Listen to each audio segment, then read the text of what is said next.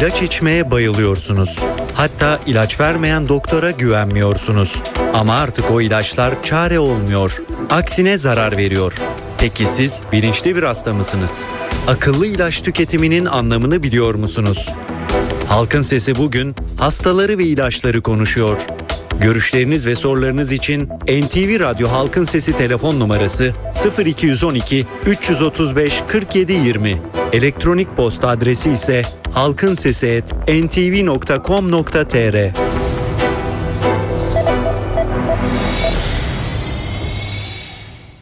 Halkın Sesi.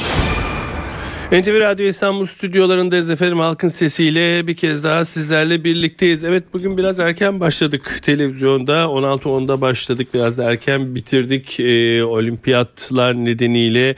Olimpiyatlarda inceleme komisyonunun açıklaması vardı. Onun için erken bitirdik ama aynı konuya devam ediyoruz. Akılcı ilaç kullanımını konuştuk bugün.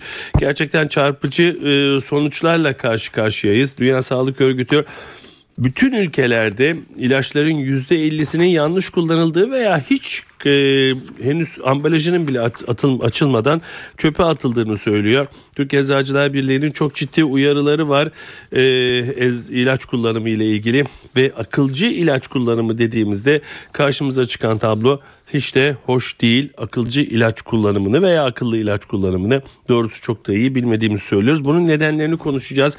Bunun nasıl engelleyebiliriz. Çünkü ciddi miktarda bütün dünyada ve Türkiye'de ilaca boşuna para gidiyor. Doğru kullanımı olsa hani derler ya can feda ama ciddi şekilde ilacın yanlış kullanımı akılcı kullanılmadığından dolayı da başka yerlerde kullanılacak, başka yerlere çare olabilecek e, ilaçları alabilecek paralarımı sebebi alıyor. Bütün bunların yanında tabii akılcı ilaç kullanılmaması, yanlış ilaç kullanımı da sağlığımızda çok ciddi şekilde e, tehdit ediyor. Bunları da konuşacağız. Türk Farmakoloji Derneği Yönetim Kurulu Başkanı Profesör Doktor Öner Süzer konuğumuz olacak. Hocam iyi günler.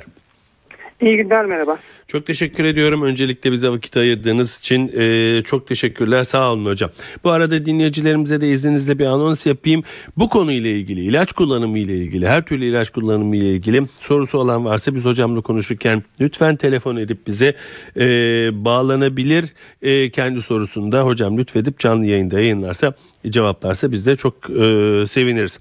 Hocam akılcı ilaç kullanımı kavramı e, ben haddim olmayarak biraz girdim anlatmaya çalıştım ama nedir e, ne anlıyoruz akılcı ilaç kullanımıyla?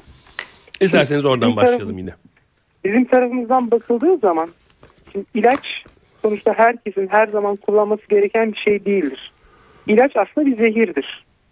Ve bizim sürekli olarak aslında ilaca bir ihtiyacımız yoktur. Yani yaşamamızın sebebi ilaçlar değildir. Ancak size biraz önce bir kısmını yakalayabildim. Sizin de söylediğiniz gibi sonuç olarak belli hastalıklarda da tabii ki ilaca muhtacız. Yani o olmadan biz o hastalığı daha iyi geçiremiyoruz.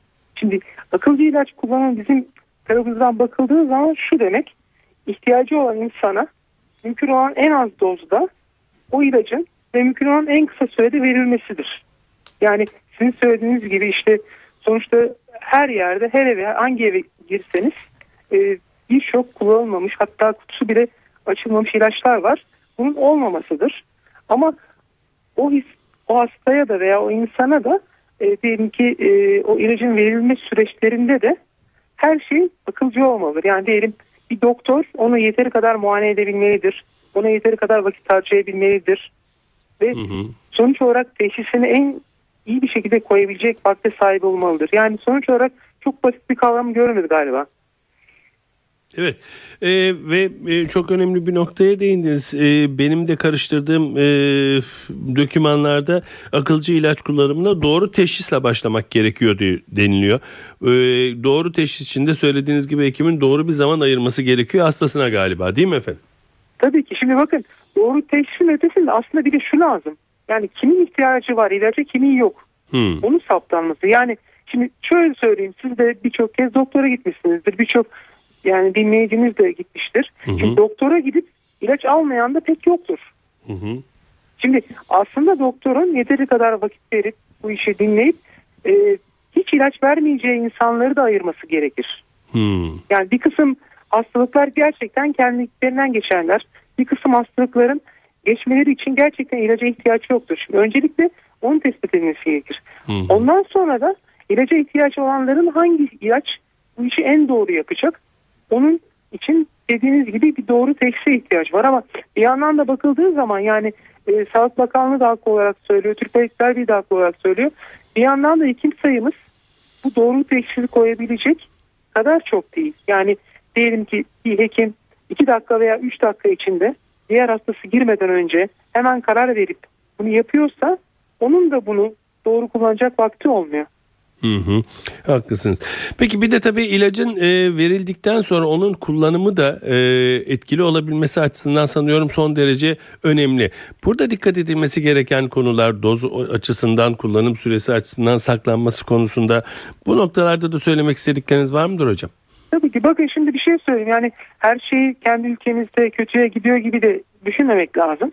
Örneğin şimdi buna katkıda olabilecek şeylerden bahsedeyim size. Örneğin çok yakın zamanda bir elektronik reçeteye geçildi. Evet. Ve şimdi o zaman şöyle bir şey bitti. Mesela benim kendi doktor yazımda rezalettir. Yani çok kolay kolay okunmayacak bir şeydir. Hı hı. Benim, benim yazılı bir reçetemin bir eczacı tarafından okunması, yazılmasında yanlışlıkları da yol açabilir. Benim 3 yazdığım 5 olarak okunabilir. Fakat şimdi diyelim ki bir elektronik takip sistemiyle, elektronik reçete sistemiyle artık en azından doğru ilacı eczacı tarafından doğru verildiğini de tamamen garanti altına alıyoruz.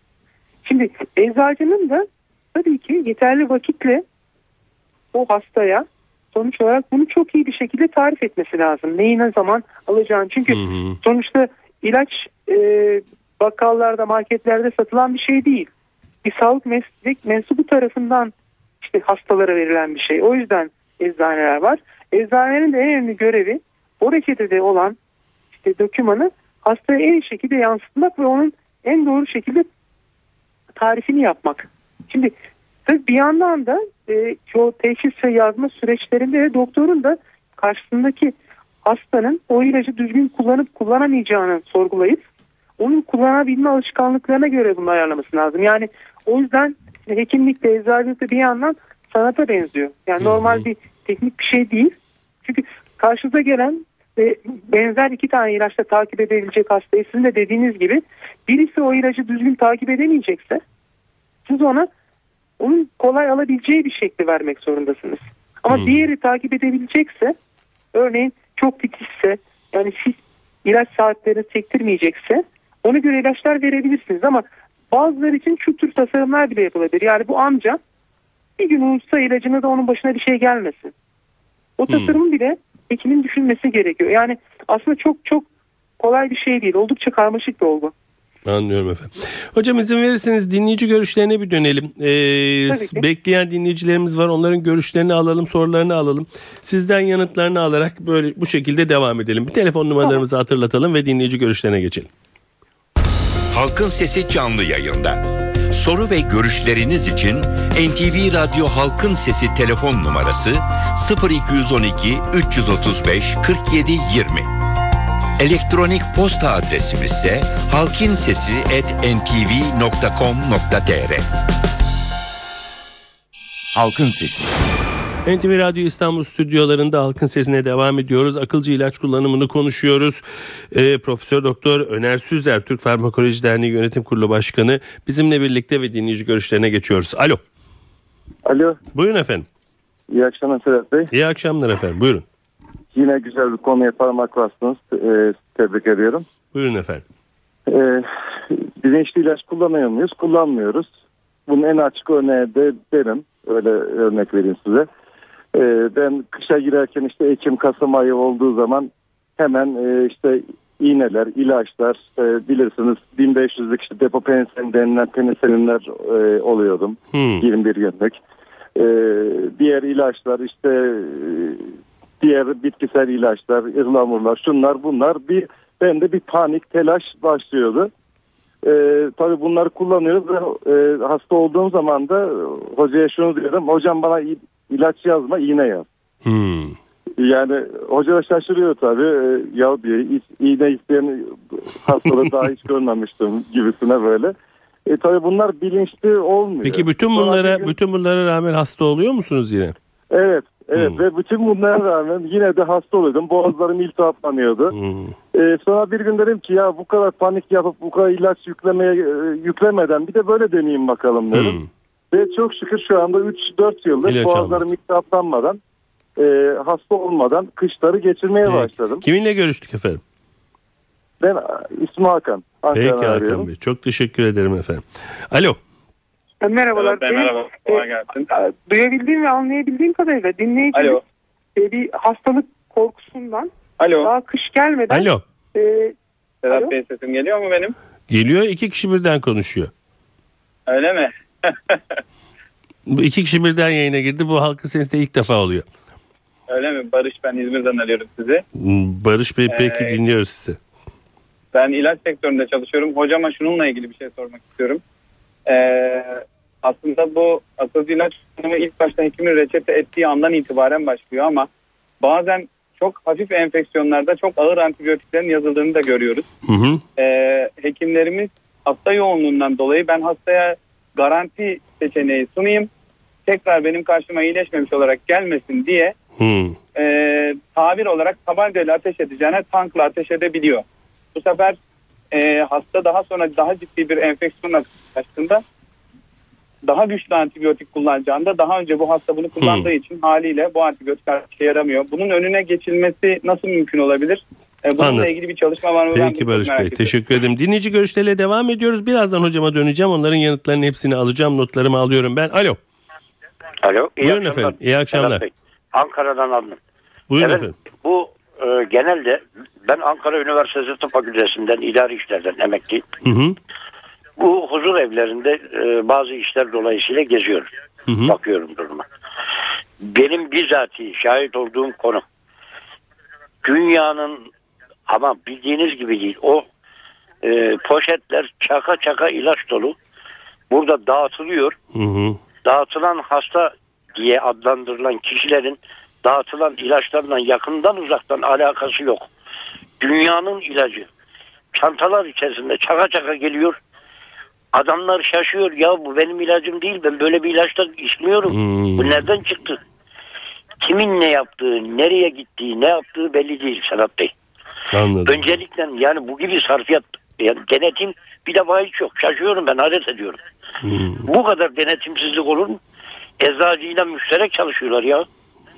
Peki efendim. Peki teşekkür ederim. Alo. Alo. Buyurun efendim. Sedat Bey iyi yayınlar. İyi günler, Sedat, buyurun. Ben Korunlu. Buyurun Hasan Bey. Sedat Bey benim hocama bir sorum olacaktı. Tabii. Ben şimdi çok yoğun bir tempoyla çalışan birisiyim. 36 yaşındayım. Hı hı. Ee, bu eczanelerin camlarında falan görüyoruz çeşit çeşit işte vitamin ilaçları, vücut direncini arttıran Hı hı. multivitaminler falan. Ama ben bunlara hiç yönelmedim. Ee, acaba bunların e, işe yarıyor mu? Vücuda bir zararı var mı? Miktarı nasıl alınmalı? Hı hı. O, o, o konuda bilgi almak istemiştim Peki ama. Hasan Bey. Falan. Peki teşekkür ederim. Alo. Alo. Buyurun efendim. Sedat Bey, İbrahim Yüksel ismim. İstanbul'dan arıyorum. Buyurun da. İbrahim Bey. Ben şu konuya değinmek istiyorum. Yani e, ben birkaç haftadan beri izleme, dinlemeye çalışıyorum programlarınızı. Özellikle sağlık üzerine gidiyorsunuz. Teşekkür ederim ilginizden dolayı. Yani burada sanki e, bizim doktorlarımız, sağlık kurumlarımız haklı. Bir tek vatandaş haksız. Vatandaş suçlu. Ben o algıdayım. Yani e, ben bu ilaç meselesinde bir rant olduğu kanaatindeyim.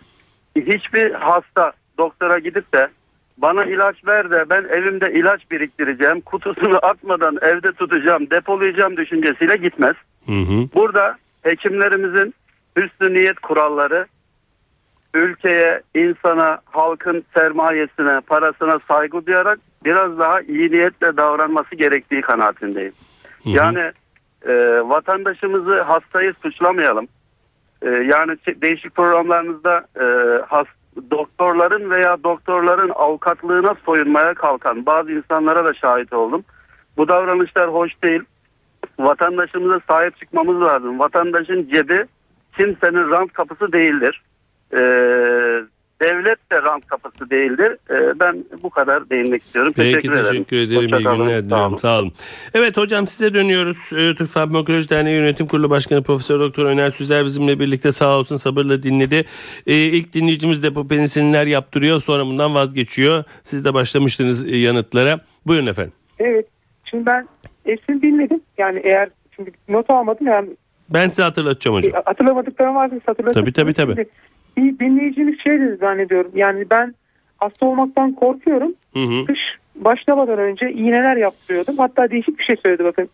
Altını çizmek istiyorum. Yani doktor bana ilaç yazma iğne yaz. Evet. Aslında sonuç olarak o iğne de bir ilaç. Başka bir şey değil. O hani anladığım kadarıyla. Böyle bir algı var galiba hocam. İğne Evet, daha yararlı oluyor şey. falan gibi. O daha kuvvetli. Hı hı. Başka bir dinleyicimiz de o konuda aslında bir bağlantılı bir şey söyledi. Dedi ki doktorlara gidildiği zaman dedi e, daha aslında hafif bir antibiyotik yerine eğer öyle bir ihtiyaç varsa onun yerine çok daha zorlusunu yazıyorlar. Çok daha kuvvetlisini yazıyorlar Hı hı. dedi. Şimdi aslında ikisi de çok benzer bir şey. Yani soru da aslında benzer bir şey. Çünkü bizim antibiyotikleri ne zaman kullanacağımız konusunda e, çok çok daha nasıl söyleyeyim duyarlı olmamız lazım. Çünkü Türkiye maalesef Türkiye maalesef antibiyotikleri dünyadaki hemen hemen bütün ülkelerden çok daha kötü kullanıyor. Şimdi bizim bütün ilaçları kullanmaktaki sicimiz o kadar kötü değil. Onu lütfen bilin. Yani bazı ilaçları daha iyi olabiliyor, daha akılcı kullanabiliyoruz fakat maalesef antibiyotiklerde Türkiye dünyadaki belki en kötü kullananlardan bir tanesi. Ve şöyle bir şey yok yani belli durumlarda hakikaten e, diyelim bir kış girerken iğne olması ve sürekli o, o iğneleri sürdürmesi gerekir. Böyle hastalıklar var. Hı hı. Ama herkesin hani ben hasta olmayayım diye aman ondan önceden bunu alayım ondan sonra bunu profilaktik olarak yani önleyici olarak kullanayım. Şimdi böyle bir lüks yok. Çünkü şöyle bir şey söyleyeyim size. Şimdi izleyicimizin bir tanesinde zaten söylediğinde vardı o.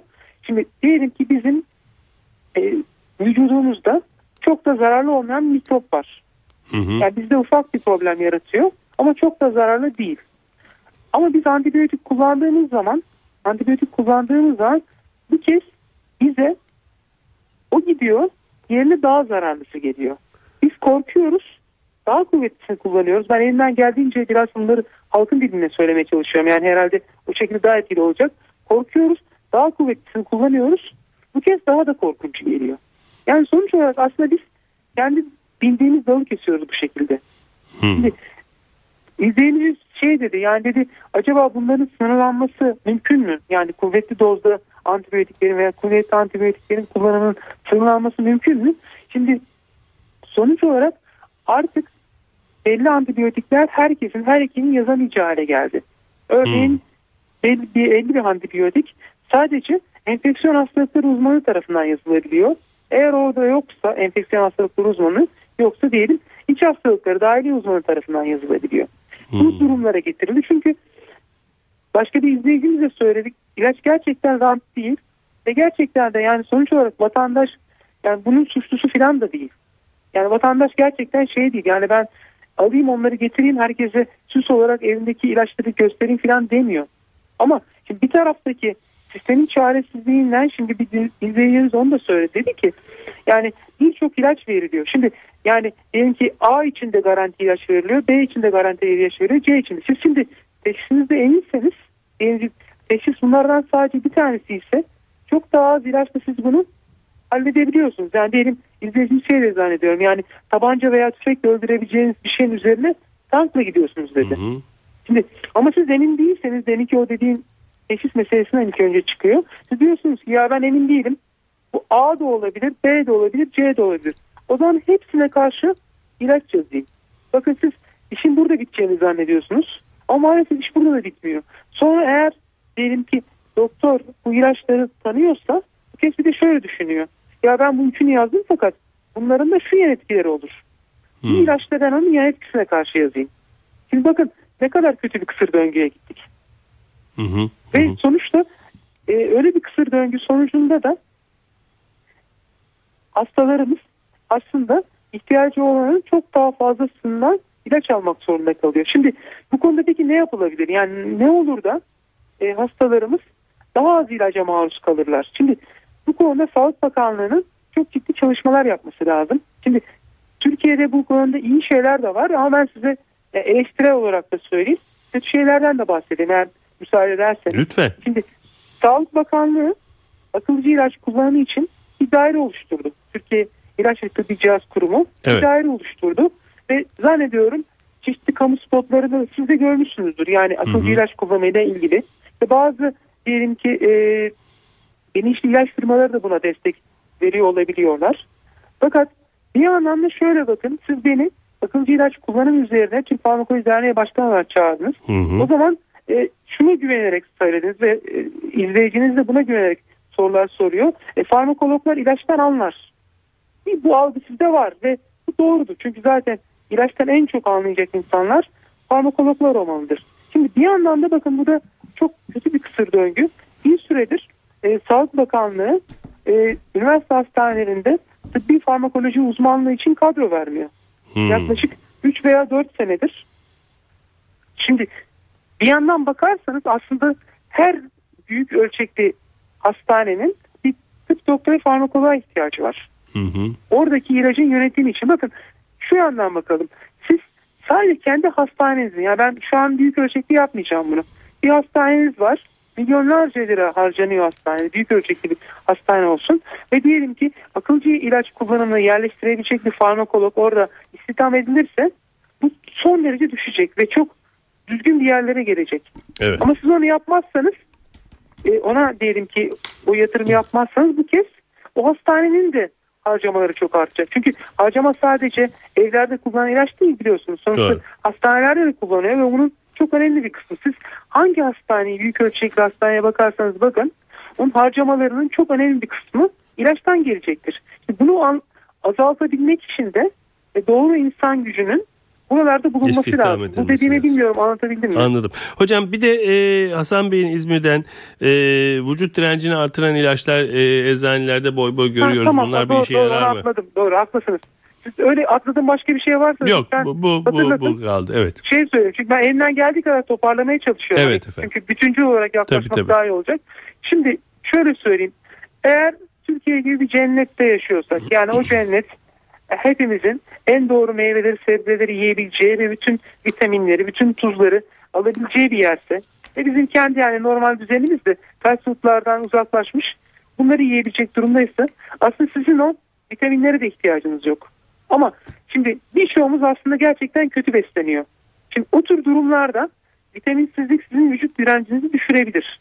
Hı hı. Ve öyle bir durumda bir vitamin desteği ama bahsettiğim şey değil. Yani o günkü ihtiyaç kadar vitamin desteği ve Evet. faydalı olabilir. Ama bunu şundan ayırmak lazım. Şimdi sizin e, işte sağlıklı kalmanızı, iyi durumda olmanızı bir şeye bağımlı kılmak o kötü bir şey. Bunu anlatabildim mi bilmiyorum. Yani biz Anladım. aslında sağlıklı kalmak için e, doğru şeyleri yapmak zorundayız. Yani işte spor yapmak zorundayız, kilo almamak zorundayız, yürümek zorundayız. Şimdi bu tür bir takım basit şeylerin hepsini yapmak zorundayız. O zaman en iyi yerlere gideriz. Ama Anladım. şöyle bir şey yok yani ben yerimde duracağım. Mucizevi ilaç beni çok iyi yerlere getirecek. Şimdi buna bel bağlarsak sonuç olarak çok farklı yerlere gidebilir. Yani bizim bilmiyorum Türk Farmakoloji Derneği'nin bu e, bitkisel ilaçlar üzerine olan e, diyelim ki oradaki kötü giden şeyler yanlışlar üzerine de duruşları vardı. Bilmiyorum o konuda da e, bilginiz var mı veya o konu Ee, tartışmaya aldınız mı? Onu oraya giremeyeceğiz hocam vaktimizden dolayı ama bu Yok onu söyledikleriniz ben şu an girmeyeyim yani ama dikkat ederseniz yani işin iceberg'in bir kısmı da orası. En azından onu Doğru. söylemiş olayım. Peki. Vaktinizi çalmak istemiyorum. Estağfurullah hocam. Çok teşekkür ediyorum bizimle birlikte olduğunuz için. Sağ olun. Halkın Sesi. NTV Radyo İstanbul stüdyolarındayız efendim. Halkın Sesi'ne devam ediyoruz. Halkın Sesi'nin son dönem içine geldik diyebiliriz. Bugün akılcı ilaç kullanımını konuşuyoruz. Ee, saat 16.10'da biliyorsunuz ra- televizyonda başladık. Orada Profesör Doktor Atilla e, Kayaalp bizimle birlikteydi. E, sonra e, Halkın Sesi'ne döndük. Orada da Profesör Doktor Öner Süzer bizimle birlikte oldu.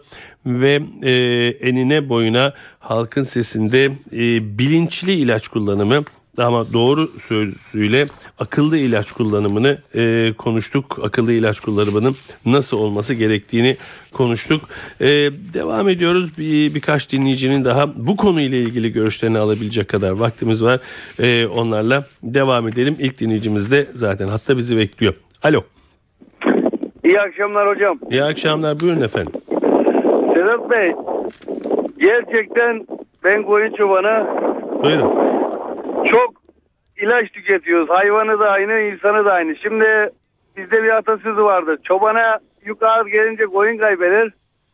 Ekime yük ağır gelince ilaç kaybolur. Yani aynen bu şekil oluyor bu işler. Hmm. Onu bu, bu bu lafı biraz daha açsanıza. Efendim? Bu sözü diyorum biraz daha açsanıza ne anlatmak istiyor bu söz? Şimdi e, Sedat Bey koyuna mesela 300 koyuna iki çoban hakkı Hı. bir çoban güderse zayiat çok olur. Hı hı. Tekimin yükü de şey oldu mu Çok fazla oldu. yani mu? yük fazla oldu mu Çok fazla yapılan iş yarım olur. Hmm. Benim görüşüm bu şekilden kaynaklanıyor. Mesela mesela 40 yaşındayım ben 40 kere doktora gitmedim. Bir kere doktora gittim geçenlerde benim diyorum sayın hekimim bağırsaklarım kalın bağırsamda problem var. O yazmış bana mide problemi. Hiç Hmm. kullanmadım hapı. Ne Peki. oldu bir daha daha doktora gitmek mecburiyetine kaldım. Yoksa doğru teşhis konsaydı şey olsaydı hem bunda benim bir daha zamanım kaybolmayacak hem nakidim kaybolmayacak benim ve devlet yani sosyal güvence şeyi A'dan Z'ye yani hepsi birbirine bağlantılı. Peki efendim teşekkür ederim. Alo. Alo iyi akşamlar Sedat Bey. İyi akşamlar buyurun. Murat Aydın ben İstanbul'dan. Buyurun Murat Bey. Ee, benim sorum şu şekilde. Ee, bizim evde kalan ilaçlarımız vardı. Hı hı. Soru değil açıkçası. hı. Ee, biz bunları ne yaparız ne ederiz diyerekten bir fikir alalım istedik ve e, bir arkadaşın vasıta- vasıtasıyla eczanelerden alabilirler diyerekten söylediler. Ben de eczaneye gittim Kadıköy'de Hı hı, eczaneye hı hı, hı hı. gittim. Ee, ilk önce cevap veremedi. Sonrasında biz almıyoruz dedi ve e, Bağcılar veya işte bahçeli evlerde bir toplama merkezinin olduğunu buraya götürebileceğimizi söylediler. Kadıköy Belediyesi de alıyor biliyorsunuz. Öyle mi? Evet Kadıköy Belediyesi bildiğim kadarıyla bu kullanılmış ilaçları alıyor ve e, yerine ulaştırıyor. Anladım. Yani konu hakkında e, bilgi sahibi olmak için aramıştım ben. Hı hı hı. Teşekkür ederim. Çok sağ olun. Yanlış bilmiyorsam lütfen bir Kadıköy Belediyesi'ne de Tamam. sorun ama yani Kadıköy'desiniz diye Kadıköy Belediyesi diyorum. Evet, birçok evet. birçok belediye bu işi üstlendi artık. E, ilaç israfını engellemek için ilaçları alıyorlar ve onları ihtiyaç sahiplerine ulaştırıyorlar. Peki eczaneler neden almıyor? Onu acaba sorabilir miyiz? E, be- o Veya biraz cevabı- be- bilmiyorum ama spekülatif olabilir yani. Çünkü ilk elden satıldığı yer olduğu için belki böyle bir çekince olabilir ama bilmiyorum. Anladım. Bilmiyorum. Teşekkür ederim. Peki Çok sağ rica ederim efendim. İyi günler diliyorum. Alo. İyi günler Sedat Bey. İyi günler buyurun efendim. Ankara e, Köçören'de emekli Yusuf Erslan. Buyurun Yusuf Bey.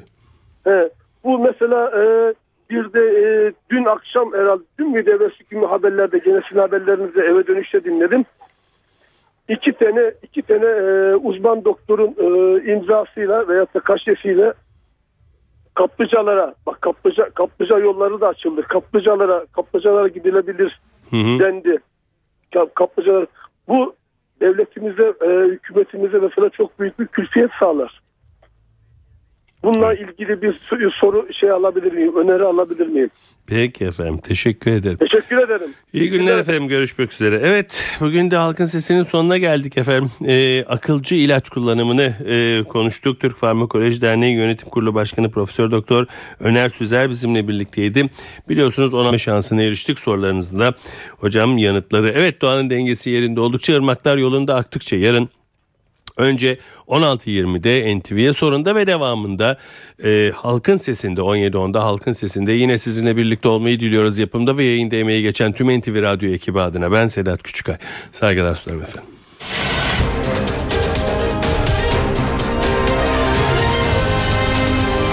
NTV Radyo, Türkiye'nin haber radyosu.